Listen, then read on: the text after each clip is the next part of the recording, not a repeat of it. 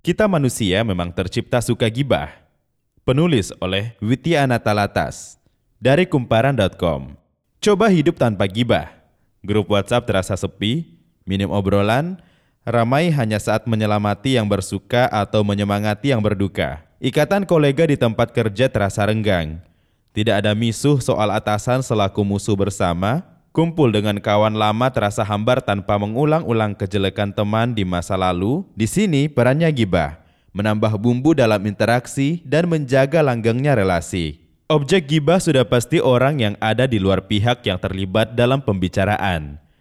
Bisa orang yang sama-sama dikenal, hanya dikenal atau satu pihak, atau tidak dikenal sama sekali seperti figur publik. Kalau menurut KBBI, isi gibah sifatnya negatif, ada sih yang membicarakan orang lain dari sisi positif, tetapi persentasenya kecil dan tidak tergolong gibah kalau menurut KBBI tadi. Sebagai penikmat gibah, saya tidak setuju gibah dihakimi dan diputuskan sebagai sesuatu yang buruk saja. Siapa yang tidak pernah gibah?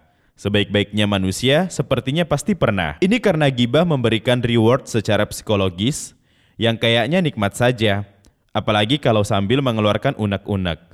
Makanya bisa dilakukan berjam-jam.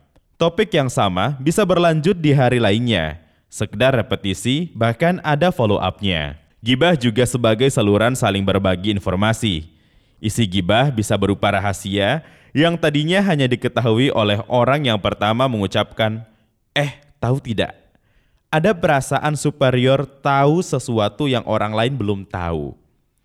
Gibah membangun simpati dan empati ini berlaku kalau yang tertimpa nasib buruk dan sebagai bahan omongan adalah orang yang disenangi. Minimal hubungannya dekat. Beda kalau yang diomongin adalah orang yang tidak disukai. Muncul rasa bersyukur, syukurin, dan syukur diri sendiri tidak mengalami yang dialami oleh orang tersebut.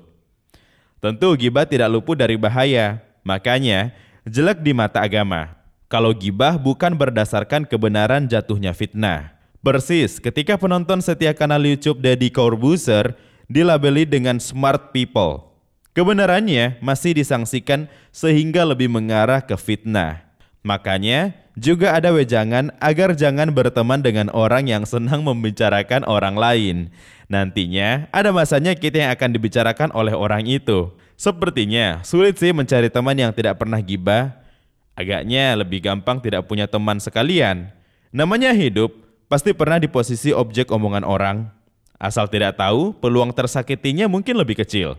Tidak ada manusia yang sempurna, tetapi berusaha menjadi orang yang sempurna sah-sah saja.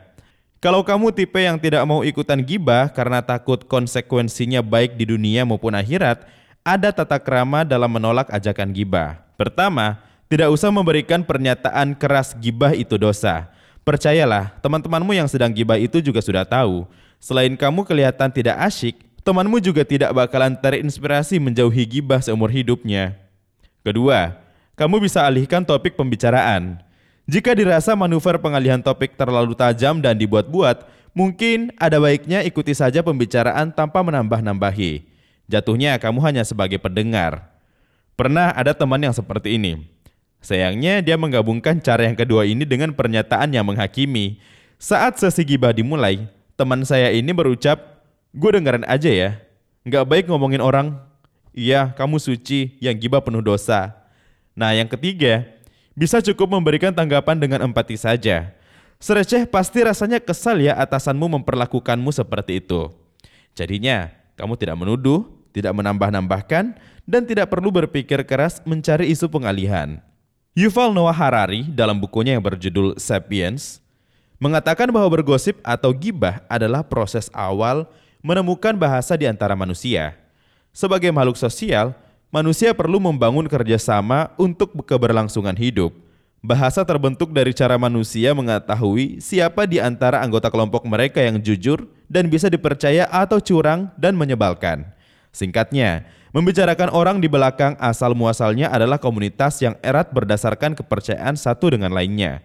Setipe dengan pengarang Sapiens, David Luden, Seorang profesor psikologi di Georgia Junet College melalui Psikologi Today memaparkan penelitian bahwa gibah adalah bagian yang tidak bisa dipisahkan dari otak manusia. Otak manusia memiliki kemampuan menyampaikan informasi dalam rupa komunikasi yang kompleks, yaitu susunan bahasa yang lengkap, subjek, predikat, dan objeknya. Tidak sama dengan hewan yang berkomunikasi dengan nada suara. Kemampuan otak kita sebagai bukti bahwa gibah adalah bakat alami manusia Bercerita dengan detail siapa yang melakukan apa disertai keterangan tambahan lainnya.